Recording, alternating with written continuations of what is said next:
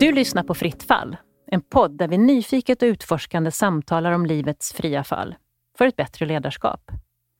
Fria fall är läskiga och de är utvecklande. Kanske mer utvecklande än någonting annat.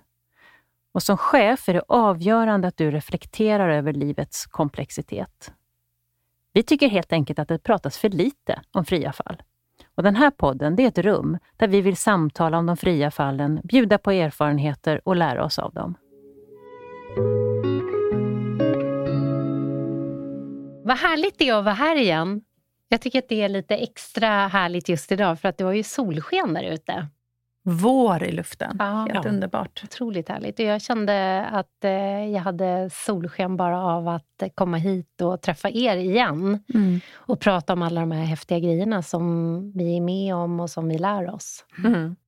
Det är ju rätt nytt fortfarande, Ja, så jag verkligen. tycker att det är jättekul men också fortfarande väldigt pirrigt. Jag känner mig på ett strålande humör på grund av att det är vår i antågande. Och så sitter jag här med er och eh, känner mig ganska avslappnad just nu. Så då, nu kör vi! Nu kör vi! Vi ska prata om någonting som vi har gemensamt, vi Mm. tre. Eh, utifrån att vi är drivna personer. Vi har eh, ambitioner. Vi är jäkligt kompetenta. Vi vill massor.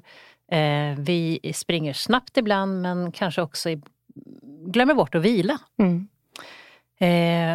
Eh, och vi har inte, inte bara vi tre idag, utan vi har vår första poddgäst. ja! Ja, Ingen mindre än. Niklas. Hallå! Hej! Välkommen hit till våran Vad podd. roligt att vi var gäster nu. Ja. Ja.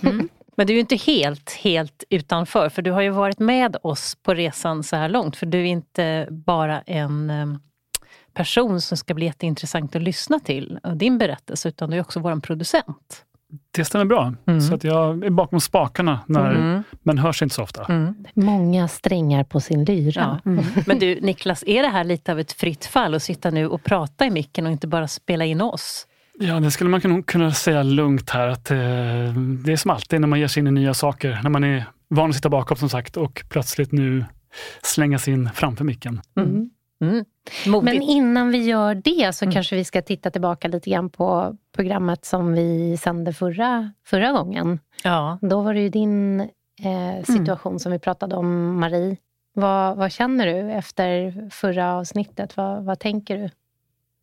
Nej, men det gav ju en möjlighet att eh, titta tillbaka på det här otroligt annorlunda, eh, omskakande året. Eh, så att eh, när jag lyssnar på avsnittet och när jag fick dela med er vad, vad som hade hänt, då, då fick jag en sån, jag fick en sån eh, stor kärlek, måste jag faktiskt säga, till, till mina kollegor och till hela den här branschen som bara kämpar så himla hårt.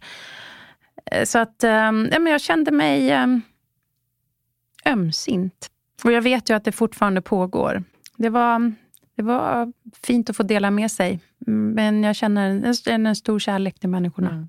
Och vet du vad jag tror Marie också? Att alla som har lyssnat på din berättelse eh, känner det. Alltså en bild som har varit med mig hela vägen sen vi pratade förra gången, det är Marina, när du sitter på din brygga på landet. Du har varit i fullständigt kaos, du kämpar, du fäktas, du vill inte att det ska vara så här, du vill inte att corona ska finnas, du ska fixa det här. Och så sitter du där och plötsligt inser att nej, du kan inte fixa allt. Allt hänger inte på dig. Eh, och hur axlarna sjunker ner och du börjar sortera i det där. Och, och så hittar du, det här kan jag påverka, det här kan jag inte påverka. Och så tar du tag i det du kan påverka och så gör du någonting storartat av det. Mm. Släpp det som inte går att påverka. Mm. Det tar bara energi. Den har jag med mig. Jag tänkte jättemycket på att du pratade ju egentligen om två faser när det var väldigt mycket att göra, även om att göra var lite olika känsla kring. Men att det är väldigt lätt att relatera. Jag tror det jag med många fler kan göra det, att det känns ganska skönt när man gör. Men att det också är lätt att när man går in i det modet och gör det väldigt fokuserat, att, att uh, tappa människor. Mm. Men du pratade ju också, Marie, jättemycket om hur du kände och att uh, andra fick känna också. Och att ha den här kombinationen då mellan att göra och att faktiskt känna och, och våga släppa ut känslor. Som är viktigt i kris. Mm. Mm.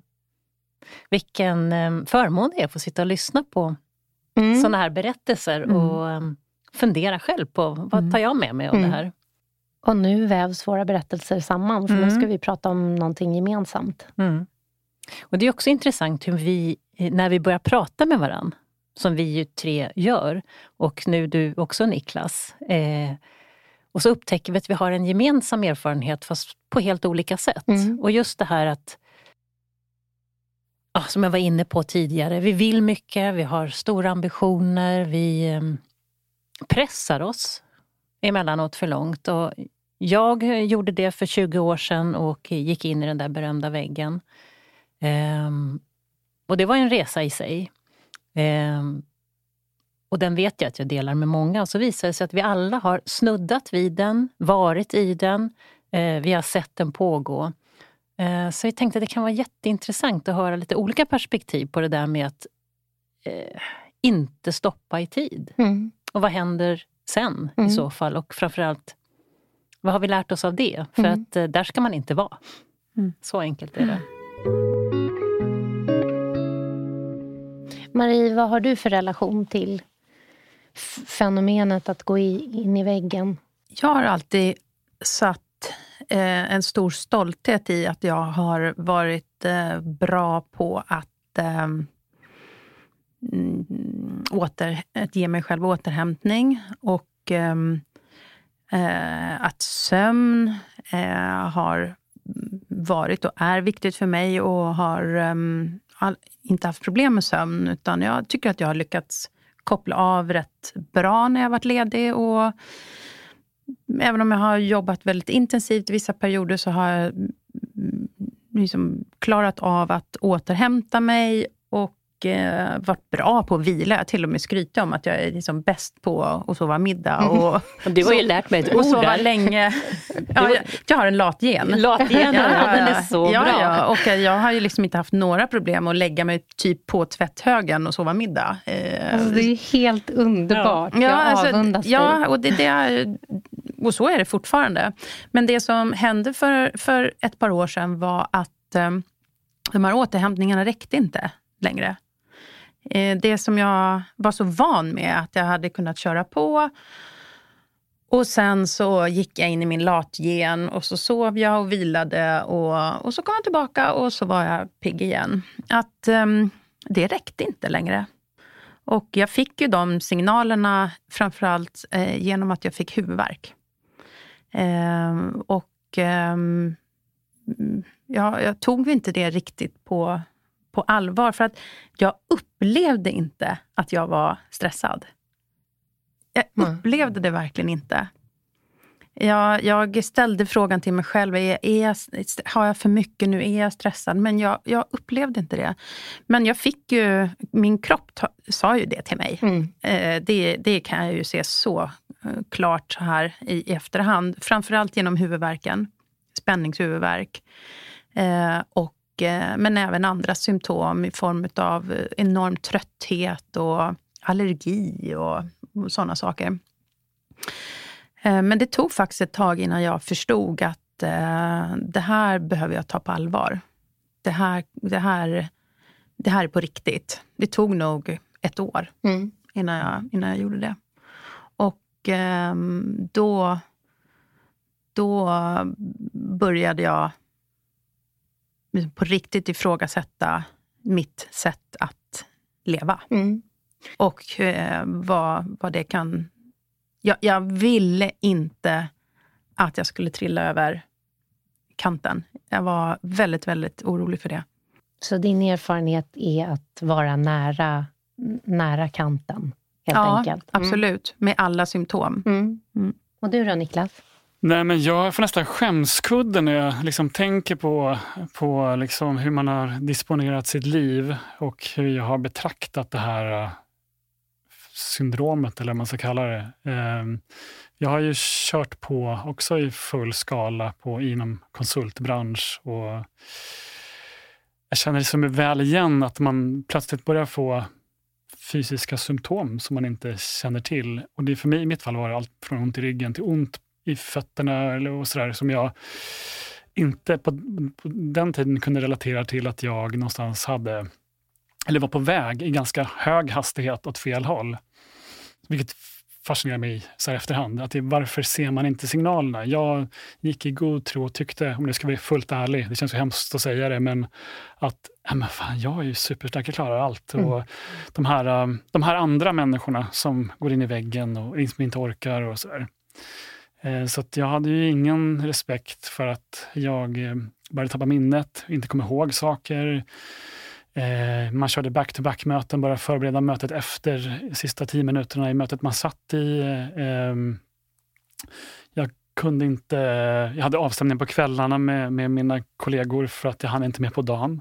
Ehm, jag vaknade klockan mellan, ganska precis mellan tre och halv fyra på nätterna och var klarvaken. Jag tyckte det var perfekt, då kan jag avhandla alla, alla tankeprocesser mm. nu och, liksom, och landa det. Mm. Eh, och sen har jag ingen aning om hur mycket jag sov då per natt. Men det, jag tyckte det var smart, effektivt, klockrent. Mm. Mm. Eh, och så plötsligt en dag så stod man där. Eh, det har ju pågått ganska länge här och jag hade haft ganska jobb med olika typer av uppgifter man tar på sig. Jag tänker det som du sa i förra avsnittet, att, som jag kände nu när jag satte mig bakom, eller framför micken nu, så här, fan nu hänger det på mig. Mm. mm, mm. Igen! Mm, Allt det här resultatet. Så, att, nej, men så för mig stod det, plötsligt en dag så stod jag eh, jag hade betett mig superirrationellt enligt min fru och ställt väldigt konstiga frågor. Och eh, ja, så körde man sin dag, det var en fredag. Eh, och jag skulle bara, vi skulle ha det här sista mötet egentligen för, men typ när man summerar veckan och säger trevlig helg. Jag eh, hade fått ett utökat ansvar dessutom. Och jag står där, jag kommer ihåg att det är blå skärm, vit text, men plötsligt så är det bara som att allting tvärstannar. Mm. Eh, och ja, mötet avbryts och jag, ja, men, du vet, läggs, man lägger sig på, på en brits och en kollega säger, ska jag ringa till din fru? Och jag kan inte hennes telefonnummer. Mm. mm. Och då blev jag rädd på riktigt. Mm. mm. Eh, och sen så plötsligt så föll man liksom sönder. Men ja, det är helt sjukt att, den, att det så fort förändras. Mm. mm. Men hade du, hade du eh, haft den eh, insikten innan att det här, det här kan vara på gång? Eller kom det alltså så här, i, som en blixt? I, efterhand så, så alla signalerna fanns, det blinkade tvärrött och alltihopa. Jag, jag, höll på, jag tränade en hel del, framförallt cyklade och jag tänkte då enligt eh, kär Hansen-modell. Liksom att, ja, men då tränar jag lite mer. Då cyklar jag till och från jobbet lite fortare varje gång. Mm. Så kommer jag ju orka mer. Mm. Eh, efteråt, så här, kanske lite irrationellt, mm. kanske dumt till och med. Mm. Men det spädde ju på hela liksom, den här processen. Av, så att, så att, nej, jag kände nog inte... Jag, jag, jag såg inte signalerna, för jag trodde ju inte på att det här fanns. Mm. Så, så, så det var svårt. Så, såg din omgivning? Ja, efter, ja, absolut. Och jag har faktiskt fått kollegor som har sagt till mig flera gånger eh, eh, att ja, men jag lyssnar inte på det heller. Mm. Jag bara, mm. ja, ja, det är lugnt, jag mm. fixar det. Så och sen så ska man ju lösa allt, så som, eller så som jag är lagd i alla fall. Mm. Och då blir det där med att eh, ha världen på sina axlar. Mm. Sen är det de här eh, det kanske var någonting hemma, du vet, dottern börjar bli större, det blir lite så här saker som händer när alla de här pusselbitarna hamnar fel så, så blev det mm. från en dag till en annan ja, nattsvart. Mm. Mm. Vad spännande. Det ska bli eh, jättespännande att höra hur alla har hanterat de där situationerna. Mm. Jag har ju en lite annorlunda infallsvinkel på det Jag har nog sällat mig lite grann till det som du pratar om, att det är alla de där andra. Mm. Eh, och jag har ju varit i väldigt stressade situationer och, och eh, ibland mått mindre bra och också glömt telefonnummer och liksom sådana saker, men, men väl inte känt att jag har varit ens borta på gränsen där. Men i då den situationen att man är lite skeptisk mot hela det här eh, fenomenet, och nu är jag jätteärlig här, så kan jag säkert få massa skit för det här efteråt, men det är i alla fall så som jag har känt så har jag ju haft ett antal medarbetare som har varit i den här situationen.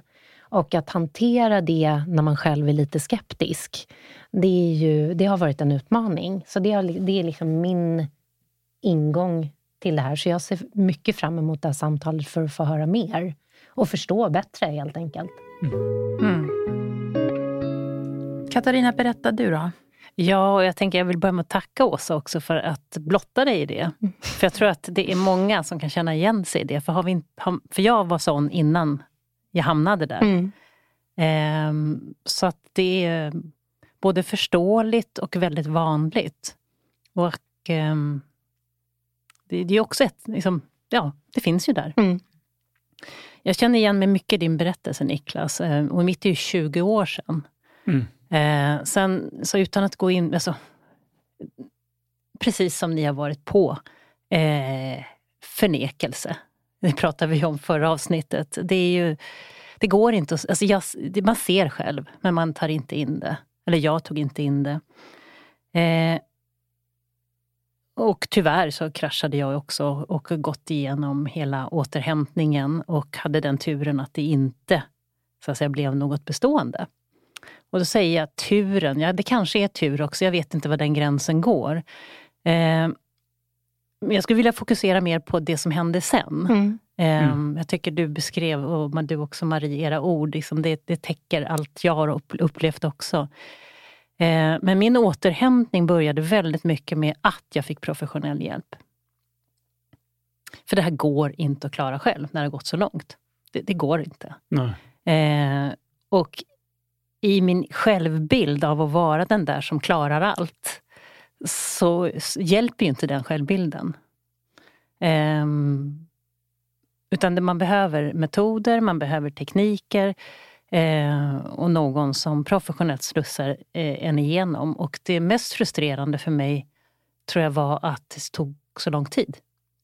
Mm. Jag ville ju att det här skulle gå över snabbt mm. så jag kunde komma tillbaka där jag var innan.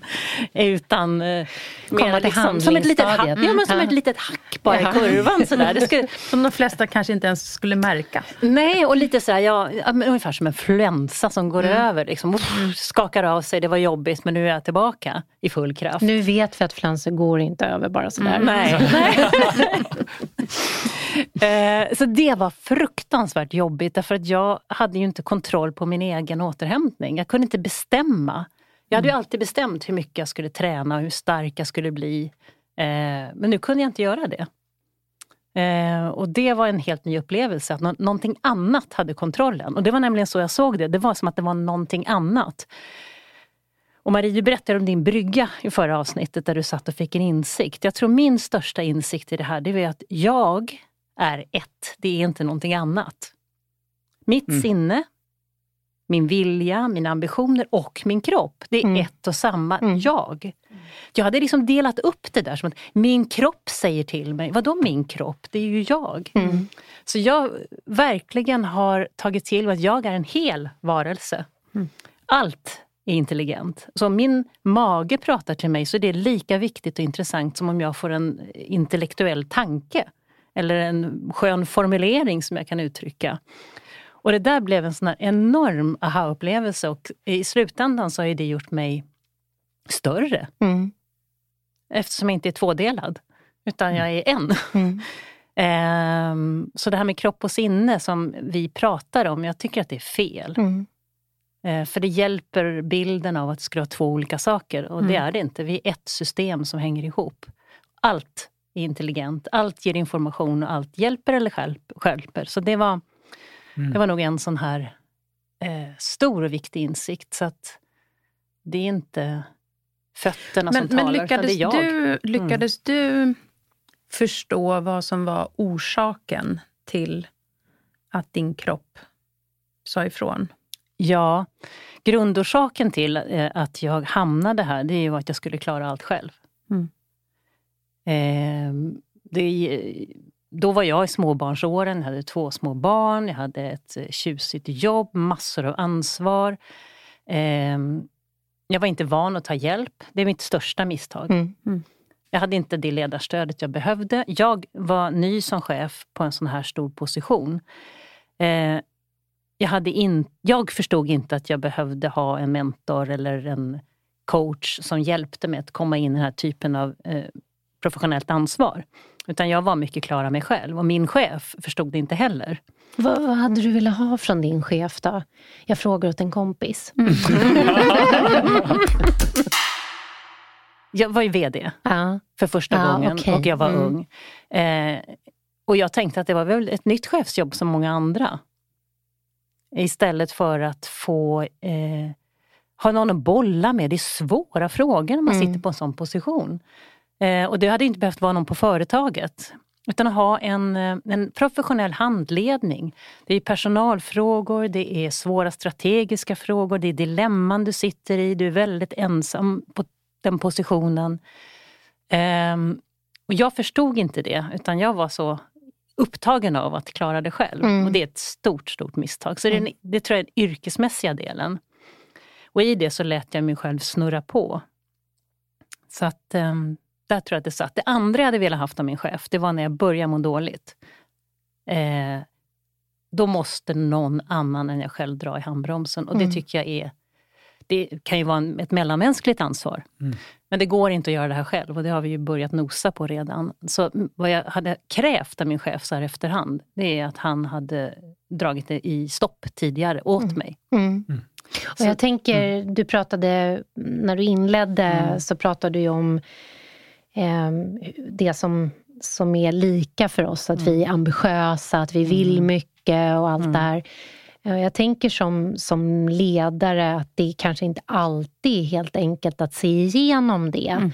För att eh, det vi gör också, det är att vi visar den mm. bilden som vi vill mm. att andra ska ha utav oss. Det vill säga en stark person mm. som klarar precis mm. allting. Mm. Vad, vad, vad, vad, finns det för, för um, tecken som, som man kan leta efter?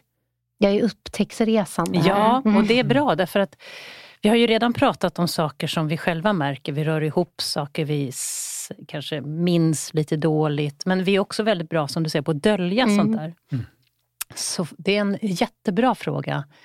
Eh, vad är det man kan se när det egentligen inte syns? Mm. Niklas, har du... Eh... Nej, men jag funderar, det är ju så bra fråga. För det är liksom, man lever i någon form av förnekelse mm. och det här just med att man inte vågar eller inte, inte ber om hjälp mm. i, i, sin roll, det gör ju också, tror jag, att man döljer mer och mer, omedvetet eller medvetet, det här för sin chef. Eh, och eftersom i mitt fall, då jag inte ens trodde att jag var på väg någonstans åt fel håll eller så, så hade jag ju svårt att be om hjälp, även om mina kollegor... Men jag tror också så här, folk runt en, kanske, kanske inte chefen, kanske runt en i peers eller vad det kan vara, ser det bättre, tror jag, mm. än, än, en, än en chef. Eh, mm. Men, men jag tycker så här, man måste väl det är svårt tycker jag. Men... Det där är ju en jätteviktig fråga nu överhuvudtaget med psykisk ohälsa och mm. det som nu gör det ännu svårare är ju när vi jobbar på distans mm. också. Mm. mm. Då man inte har heller de här mötena, eh, man äter lunch ihop och känner av lite på, på stämningen och hinner småprata lite. Hur, hur tusan upptäcker man som kollega eller chef mm. eller familjemedlem mm. eller vad det nu kan vara. Familjemedlem kanske man inte har på remote, men, men, men um, i arbetssituationen, hur, hur man, um, vad man kan ha för verktyg mm. Eh, eller tricks för att um, få till den typen av samtal. Jag tänker ibland på, så här, som jag märkt nu, för nu gör jag en, en ledarroll, det har 15 personer i mitt team. Och det jag märker då, att om man tittar på livssituationen hos, hos medarbetare, till exempel om man har fått barn eller skolar in på förskolan, olika stadier där man blir utsatt på det privata planet, mm. så är det en signal på okay, hur funkar det här med arbetslivet? Mm. Men också i arbetslivet, när du, när du ställer frågor i ett team, så har du ett gäng som konstant säger ja, det fixar mm. jag. Mm. Där är en varningssignal kan jag känna. För mm. den, här, den här lojaliteten som man också, det låter kanske konstigt, men så här att där man alltid ställer upp och är med och fixar och vi löser och, och sen byggs de här där måste man nog, tror jag, vara lite mer noggrann mm. med vilken belastning man lägger på personer. För det är väldigt, jag har ju haft mm. det tidigare i mitt liv också, man är så tacksam. Åh, den här personen är så jäkla bra. Ja. En tv-kille som är så mm. sjukt bra. Jag bara skickar allt på honom. Mm. Så, här. Mm. så efteråt, så, på senare tid, nu var ju vi unga typ singlar och sådär, så då var det en annan sak. Men vad gjorde jag? Jag liksom belastade en person, vad hände det med gruppen? Och det är så mycket mm. saker som så jag tror att det är en viktig signal att ha med sig. Mm. Eh, mm. så det kan ju vara en varningssignal i sig. Mm. Den personen som alltid ställer upp och aldrig tycker att det är ett problem eller så. Det, det är kanske en person som man ska ha lite extra koll på. Extra mm. koll på. Nej, men sen så tänker jag, eh, jag upplever ju ofta när jag pratar med eh, unga medarbetare att de känner att de ska göra allting som man själv gör som kanske har 20 års e längre erfarenhet. Och, och, jag tänker också att det är viktigt att säga just det, att det, liksom, jag har fått en massa erfarenheter under en lång, lång period. Och att förvänta av dig själv att du ska kunna allt det här och att du ska orka allt det här just nu, det kanske är, är också Mm. lite väl mycket. Mm. Men handlar det inte mycket om för, förväntningarna som man sätter på sig själv? Mm. För jag kan ju se att jag var ingen som sa till mig, någon chef eller någon, annan, eller, ja, någon runt omkring mig att det är jättebra om du är inne på alla evenemang eller om du är, kommer på alla landskamper eller fotbollsmatcher och hälsar på kunder och samarbetspartner. Det var ju jag mm. som, som trodde att det förväntades utav mig. Mm. Och jag hade ju en sån här ett tillfälle som också blev lite wake-up call då jag liksom hör mig själv, för jag är bjuden på en 50-årsfest på ena sidan stan. Och sen så är det en landskamp på Friends Arena. Och hur jag planerar då att jag ska hinna till landskampen och så ska jag hinna hälsa på dem och dem. Sen kan jag byta om på toaletten. Och om jag går ner på andra sidan arenan, där kanske inte är trafik, då kan jag ta en taxi där. Och då hinner jag till fördrinken. Mm. Och då när jag liksom går igenom det här körschemat för mig själv och inser att det här kommer bli, det här kommer, det här kommer bli stressigt, det kommer inte bli bra någonstans. Så är det ändå någon, någon, någon röst i mig som säger så här, men måste du dit? Mm. Ja, vad ska de tänka om mig annars då? Uh, om jag inte kommer på en landskamp. Men det är ingen som hade frågat mig om det. Ingen som hade förväntat sig om det. Och när jag pratade med mina kollegor som sa men självklart behöver inte du vara här. För grejen var att jag hade ingen uppgift där heller. Nej. jag hade ju mm. ingenting som, som men, på något sätt var kritiskt för, mm. för den där landskampen. Mm. Det var jag bara tänker... jag som trodde att andra förväntade sig att jag skulle det. Mm. Men kan det också handla om lust? För jag tänker så här att i alla fall för mig själv, så, så är det så mycket som är roligt och spännande. Och jag tror att just den här att räcka upp handen och säga men det gör jag, det gör jag, det gör jag. Oftast så grundar sig ju det i en, en lust och en, en vilja. Mm, mm. Så det handlar om när lusten går över till någonting annat. Mm. mm. Eh, och det blir olust. Mm istället. Olustigt. Jag, jag vill ju verkligen inte hänga ut dem, alltså, inklusive mig själv, som vill göra saker. Det är inte det jag mm. menar, men jag tror en signal, det här, jag tror det här fear of missing out. Liksom mm. att man liksom bara så här, mm. jag, vill, jag, vill, vara uppe först på morgonen och uppe längst på kvällen. Liksom. Det går liksom inte. Men har vi inte närt eh, bilden av den coola företagsledaren som bara sover fyra timmar per natt. Och liksom... Födde barn på jobbet och ja. som du vet, har...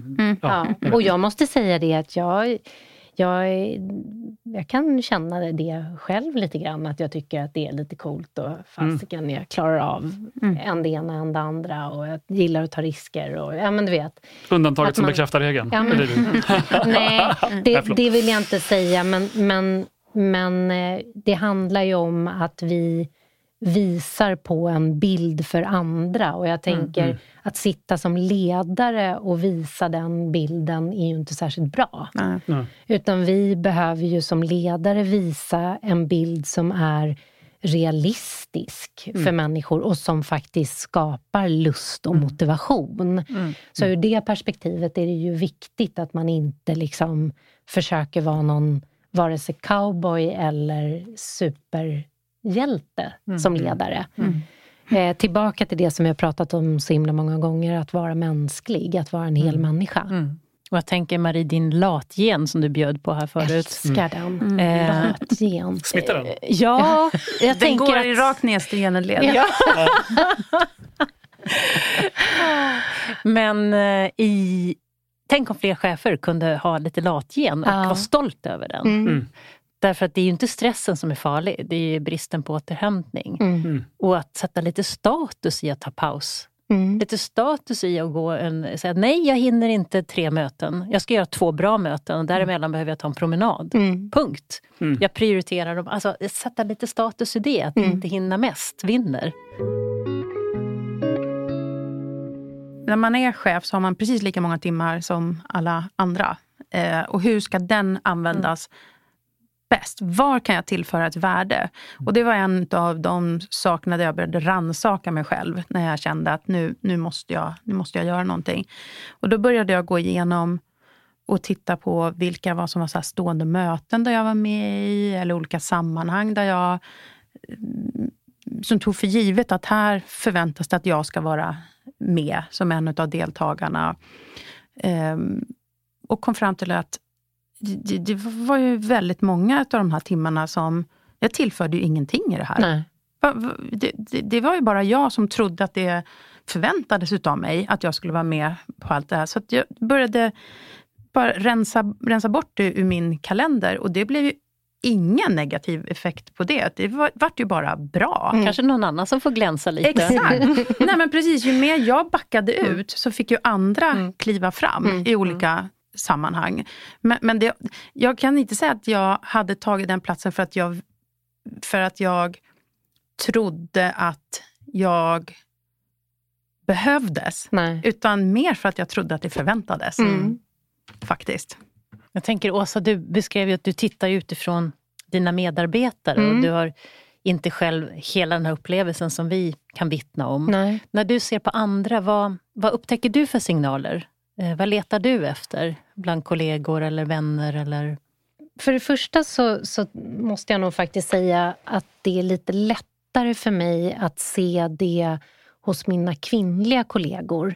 För där kan jag relatera till eh, eh, ännu mer det här med familj och, och eh, det är ju som så att kvinnor har i större utsträckning mer hemmajobb.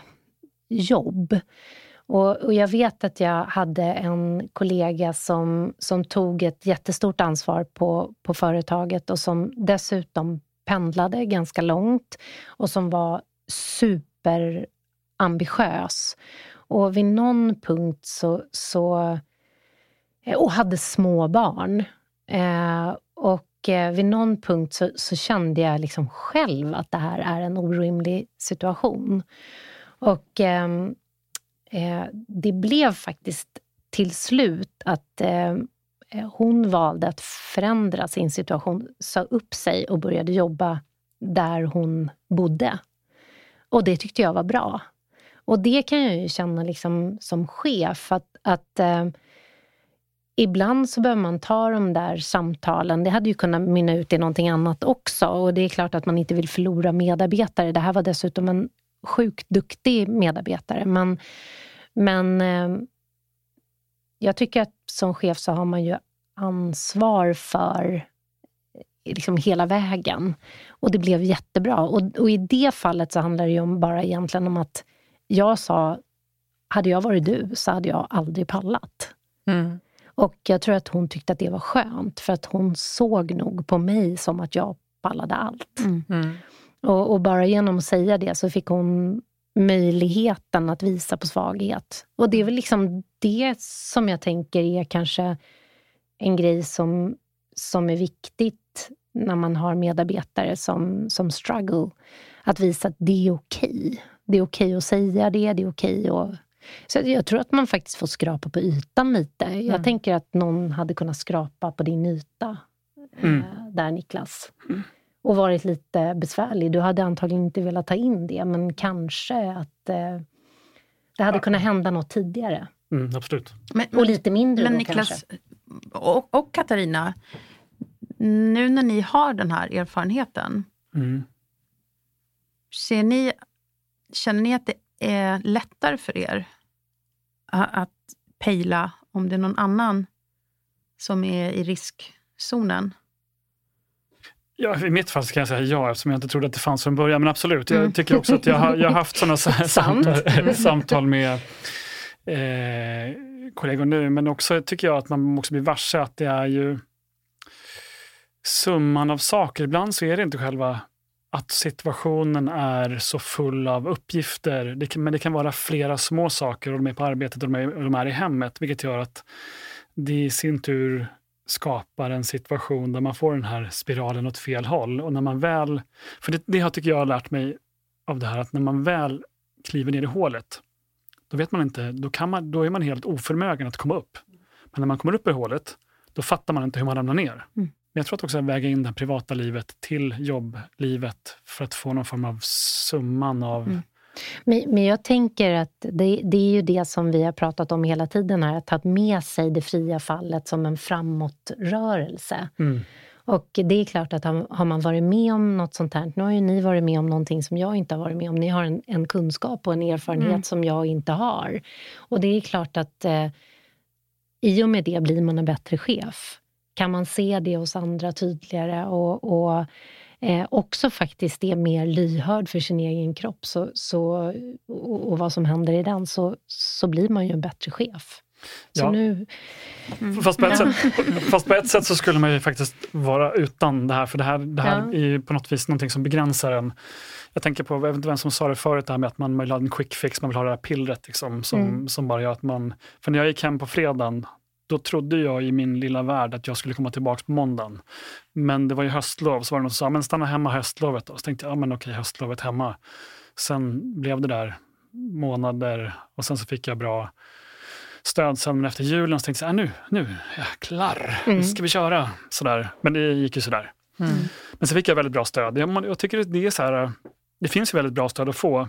Jag har med mig en så enkel sak som natt, på natten, att eh, hjärnans eh, logikcentrum stängs av. Liksom. Mm. Så när du Mm. vaknar upp på natten så är allting tio gånger Mm. större och värre, Mm. eller Mm. roligare, eller läskigare. Mm. Liksom så här. Mm. Att bara veta det gjorde ju Mm. att, jaha, nu är amygdala igång och, och Mm. härjar. Liksom. Mm. Mm. Så då kunde jag ju bara, hm, ja, Mm. fortsätt då. Så, så, så, så, så kunde jag så, ja, men så. Nu var det ingen grej, för jag hade liksom en, ett rationellt, liksom, Mm. Mm. eh, en rationell förklaring till det. Mm. Mm. Och så funkade, det funkade för mig. Mm. Och det är det jag menar, som jag sa, det här med professionell hjälp. Mm. Det är ju inte bara terapi, utan det är ju också att få kunskap om Mm. hur vi fungerar. Och jag tänker som svar på din fråga där Marie, om jag ser det här snabbare. Jag är inte säker på det. Jag skulle inte vilja säga att jag gör det, men däremot har jag märkt, och det har hänt flera gånger, när jag förstår att det är på väg, då går jag in med full kraft. Jag Mm. tvekar inte en sekund, och det hade jag gjort förut. Mm. Då går jag in och eh, ja, kan man kalla det för hårdhandskarna. jag blir väldigt dramatisk. Mm. Talar om att det här kommer sluta med döden om du inte stoppar nu. För jag vet att man behöver höra någonting så pass hårt Mm. för att överhuvudtaget Vakna. Mm. lyssna. Mm. Mm. Ehm, och om man är krass så är det ju faktiskt så det går till. Mm. Eh, det slutar ju faktiskt med en hjärtinfarkt eh, som sista stadie av när kropp till exempel. Mm. Så att det inte bara påhitt. Men jag, jag släpper inte, jag, jag tvekar inte. Och det hade jag inte gjort innan. Då hade jag nog kommit med rekommendationer eller Mm. ska du inte ta en paus några timmar eller vara hemma över helgen eller ta ledigt en fredag. Alltså det har varit inte alls på samma sätt som nu. Så det finns, det, finns, ehm, det finns utrymme för att göra mer proaktivt, tänker jag, för att eh, man inte ska hamna i den situationen genom kunskap. Ja, ja alltså min, bild är faktiskt att om det går så långt som både jag och Niklas har varit med om, när man är där. Min bild är att det går inte att ta sig ur det själv. Mm. Det Nej, men jag tänker, Ja. finns det utrymme att alltså som arbetsgivare eller arbetslivet att kunna jobba mer proaktivt med kunskap kring det här? Så att du som Absolut. medarbetare Ja, så. Ja, eh, absolut. får förstår, mm. förstår hur det här fungerar. Ja. Jag tror att många företag pratar stress nu. Ehm, mm. Men i tillägg till det så tror jag att vi ska prata ännu mer om hur vi funkar. Eh, jag vet inte vad, vad, vad, man får för information men jag, mm. jag, tror att man pratar mycket, mycket mer om det här idag än vad man gjorde för 20 mm. år sedan. Mm. Och det är superviktig kunskap. Men att då ta sig själv på allvar handlar det om. Mm. Eh, inte förminska. Har jag symptom så har jag. Mm. Hur stark jag än är. Så det, det är bara så. Eh, så det är klart att eh, på det sättet proaktivt Märker du, kan du få känningar som sätter igång dina varningsklockor? Ja, mm. det kan jag få. Och framför allt när vi pratar om det, mm. som vi gör nu. Så nu, nu, nu darrar jag. Mm. mm. För att jag känner med Niklas berättelse väldigt starkt. Um, men däremot så har jag inte upplevt att jag har varit i närheten av att trilla dit igen. Mm när liksom min återhämtning var klar. Mm. Och det tycker jag kan vara ett stärkande budskap. Eh, för jag mm. känner mig nog både smartare och mer produktiv nu än vad jag var då, för 20 år sedan, mm. när jag sprang i full hastighet. Så begränsningarna eh, kan också bli eh, styrkor i slutändan? Ifall att man faktiskt lyssnar på sina egna signaler så kan man bli starkare också? Ja, och i mitt fall så upplever jag inte att jag har en begränsning, men mm. jag har en respekt för mig själv. Mm. Eh, som är väldigt sund. Mm. Därför att det gör att jag oftare inte är i stress än i mm. stress. Mm. Eh, och därmed eh, mycket mera ja, man säger, tillgänglig. Mm. Hjärnan är liksom inte i kidnappad. Om vi pratar om den här amygdalan igen då, som är stress, eller som tolkar hot och stress. Och, och egentligen kan man väl säga att det är begränsningar vi behöver ha. För ja. vi kan inte göra allting. Nej. Så att eh, de vi inte har naturligt tar kroppen och ger oss istället. Mm. De som inte har naturligt i, i huvudet. Eh, för att det, det upplever jag ju att vi är många som tror att vi kan göra mm. precis allting också. Mm. Barn och hem och hus och Ja, och det här som vi pratade om eh, förut tillsammans med Maries berättelse, att sortera. Mm, vad kan mm. jag påverka, vad kan jag inte påverka och, och välja ut de delarna. Eh, det är också sånt bra proaktivt mm. arbete, att resonera så. att jag, Träna på tekniker och prioritera. Vad är viktigt? Vad kommer ge effekt? Mm. Eh, det finns väl ingen människa som hinner med allt den människan vill. Mm. Men, men jag, jag vet ju, jag har ju studerat mig själv mm. na, mera. Eh, eller reflekterat mera helt enkelt kring vad är mina triggers. Mm. När, när känner jag att eh, den här stressen sätter igång. Och den, det, jag ska säga, det är ju ganska nytt för mig också.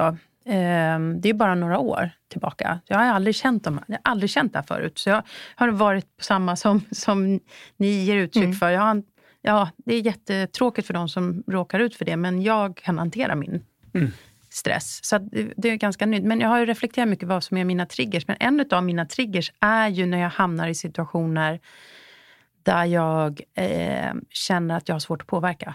Mm. Mm. När jag känner att eh, jag är bakbunden eller att det är eh, ja, situationer där, där jag inte ehm, där jag känner mig maktlös. Mm. Mm. Det eh, ger mig en, en, en stress. Och jag har ju kunnat identifiera några sådana sammanhang och några sådana eh, ja, relationer och eh, ja, relationer och sammanhang, projekt, mm. där, där jag har känt mig eh, väldigt eh, begränsad. Mm. Eh, och eh, det kan ju vara svårt i en roll att säga det, jag vill inte vara med där, jag vill inte vara med där, jag vill inte vara med där. För det, då, då triggas min stress. Mm. För att vissa saker måste mm. man ju göra, mm. även fast de inte är roliga och eh, man inte känner att det ger en massa positiv energi, utan det faktiskt ger stress. Så att den, jag håller med om det här med att sortera, men det jag kan tycka är svårt är att man kan inte sortera bort allt. Mm. Vissa saker mm vissa saker måste man bara göra, men det försöker jag lära mig då. Hur ska jag hantera? Mm. Hur ska, ska du acceptera att du inte har kontroll? Ja, ja. Äh, precis. Mm. Och um, Precis, för att undvika den här triggern. Mm. Mm. Så man får nog skapa en känsla av att ha kontroll över någonting annat då. Mm. Men jag, jag, tänker på det som du sa Marie, det här med att eh, du tog dina powernaps och helt plötsligt så var det som så att det funkade inte. Mm. Och det kan jag känna igen mig i. För att jag, när jag har haft riktigt stressiga arbetstider, liksom, då brukar jag åka på en yogaresa. Och vid ett tillfälle så åkte jag på en yogaresa och det hände ingenting. Vilket det alltid brukade göra. Mm. Tredje dagen, då började jag få tillbaka min energi. Det var liksom som en klocka. Mm. så. Eh, och, och, det är väl kanske ett, ett riktig sån här varningssignal. När det man brukar ta till mm. inte mm. funkar. Mm. Mm. Då kanske det är riktigt dags att dra i, i eh, handbromsen. Jag kände ju också den känslan att, men vad fasiken, man kan ju inte åka på en yogaresa varenda gång man, man liksom har jobbat för mycket. Kanske istället också titta på hur, hur jobbar jag? Mm. Kanske. Ja, Även om det är otroligt trevligt att åka på yogaresor. De små plåster som kommer runt här, överallt. Ja, precis. Ja, Hörrni, ska vi eh, börja runda av? Ja. Vad, har vi, vad, vad tar vi med oss från den här diskussionen? Är det någon som eh, vill börja? Jag kan flika in, jag tycker det är väldigt härligt att höra att man faktiskt kan hitta den här balansen. Jag, när jag hör din historia, liksom att eh, man faktiskt kan komma till en balans mellan kropp och hjärna som du kallar det. Mm. Men att, eh, för jag vill ju, jag tror ju ibland att jag vill tillbaks till den här, eh, jag, jag kan sakna att jag inte har den här fulla kapaciteten som jag hade förut. Men å andra sidan så vill jag ju inte dit heller, till, den, till det sätt jag jobbade på förut, utan som du också var inne på, det här med att i det här lite mer samlade lugnet, att prata lite långsammare, att gå lite långsammare, att ta saker lite lugnare gör att man blir minst lika effektiv, kanske mm. till och med mer effektiv och kanske mer sund i sina beslut. Så det tar jag med mig som en mm. positiv målbild, sett från min resa. Liksom. Mm. Den är ju relativt färsk ändå. Jag tänker på det Marie, som, som du pratade om, att vi eh, har förväntningar på oss själva att vi ska vara med i en himla massa sammanhang. Men att man egentligen då behöver faktiskt fundera över var kan jag och bör jag bidra? Och resten håller man sig mm. ute. På det mm. sättet kan vi dessutom få våra medarbetare att växa troligtvis. Mm. Det tyckte jag var mm. jättebra lärdom. Och jag tar med mig det du sa Katarina, att om, om jag ser någon i min närhet som är på väg så är det hårdhandskarna som gäller. och då kommer jag ringa dig. Ja. Och vet du vad, det är faktiskt andra som har gjort. Ja. Du är välkommen. Ja. men den, tycker jag, det, var, det, det var en stark insikt att ja. det här är, det är på allvar. Du då Katarina? Jag är berörd av samtalet. Um, det har varit um, så ärligt och um, naket. Mm. På, både utifrån betraktaren, fördomarna, föreställningarna men också det vi har varit med om. Eh, så jag tar nog med mig bara att jag är berörd. Mm. Och att vi bara är människor. Ja, mm. ja och påminnas om det, att vi är Igen. människor. Mm. Ja. Eh, och jag upplever ju också att det händer ju något. Nu sitter ju inte du som lyssnar i studion, men det händer något här inne mellan oss när vi har haft det här samtalet och det är jättefint. Mm. Jag måste bara lägga in den här visuella bilden jag har på den här bryggan. Nu ser jag min bild i huvudet där du, man sitter där och kommer på att allting hänger inte på mig. Mm. mm. Det är liksom, det är lugnt. Mm. mm. Det är så otroligt skönt. Mm. Ja. Och att ibland bara återbesöka den platsen mentalt och känna att, vänta lite, vad är det jag håller på med? Så. Så vi har syrgasmasken, vi har bryggan att komma tillbaka till och vi har latgenen eh, sovandes på tvätthögen. Den är bra. Eh, ja, jättehärliga bilder, verkligen. Mm. Må det aldrig komma ett vaccin för Nej. den. Precis. Tack alla. Ja, men tack ja. så mycket. Tack så mycket. Mm. Och nästa vecka då kommer Therese Lundstedt hit. Eh, Therese hon har varit VD på Aktieinvest och nu senast på Urban Green. Och Therese har varit med om en spännande resa tycker vi och hon kommer berätta om hur hon har avvecklat sig själv, inte bara en gång utan två gånger. Hon eh, har självmant hoppat ut i de här fria fallen, tagit sig an uppgifter som hon inte har gjort tidigare och ehm, hon kommer också prata en hel del om mod och vad mod betyder för henne. Vill du gästa våran podd eller kanske känner någon som du är extra nyfiken på att höra om så kan du mejla oss på frittfall.noraledarskap.se. Vi skulle också gärna höra mer om vad ni tycker om podden och eh, era inflikningar på våra ämnen och det kan ni göra på våra sociala medier, både på Instagram och Facebook. Sök på Fritt fall så hittar ni oss. Fritt fall, en Nora-produktion producerad i samarbete med Niklas Hedberg.